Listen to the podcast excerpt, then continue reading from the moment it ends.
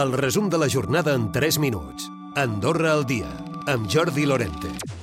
Sindicats i patronal estan molt a prop de tancar un acord sobre l'augment dels salaris per al 2024 després de la darrera reunió d'aquest dijous. Seria, doncs, eh, aquesta situació de trobament per sobre de l'augment del cost de la vida, en el cas del salari mínim, similar a l'IPC pel que fa al salari medià i per sota per als salaris mitjans. Els representants dels treballadors hi estan d'acord, però ho supediten una entesa per instaurar la tretzena paga de manera obligatòria. En aquest punt la negociació encara està oberta i no està tan a prop. L'arcabisbe d'Urgell s'ha referit al problema de l'habitatge. Ha justificat les manifestacions al carrer com una expressió de la democràcia. Joan Enric Vives. També ha estat un toc d'atenció. Eh? La democràcia també és que la gent amb llibertat pugui manifestar el que ell pensa, sobretot si és amb respecte i si és en pau. Això és un dret, no?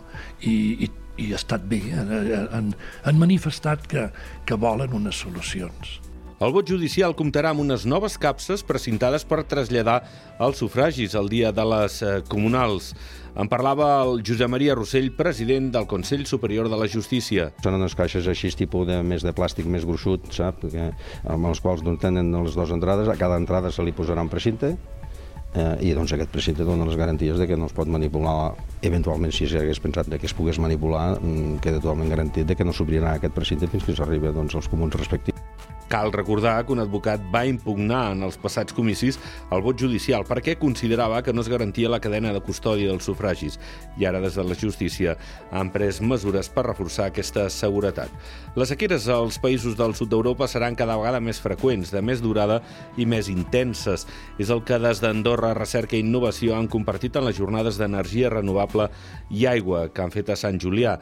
Aquest any la reducció del cabal és del 54%, una xifra que s'apropa al 69% 1% del 2007, l'any en què es va patir més sequera.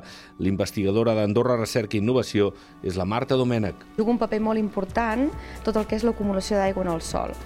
Eh, L'any passat, plovent una mica menys, val? teníem només una disminució del cabal del 30, 37% d'Andorra. I per què passa això? Perquè l'efecte de la sequeria és disruptiu any rere any, però quan hi ha l'acumulatiu, quan són dos o tres anys seguits, l'efecte aquest és multiplicador. D'altra banda, Mobilitat preveu l'entrada de més de 100.000 vehicles durant el pont de la Puríssima, unes xifres que es duplicarien en totes les festes nadalenques. Davant aquesta situació, enguany s'afegeix un nou dispositiu especial de trànsit i es reforça el bus públic.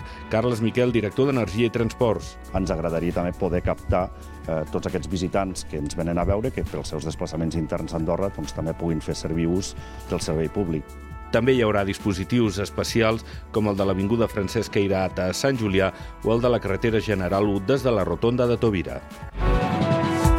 Recupera el resum de la jornada cada dia a AndorraDifusió.d i a les plataformes de podcast.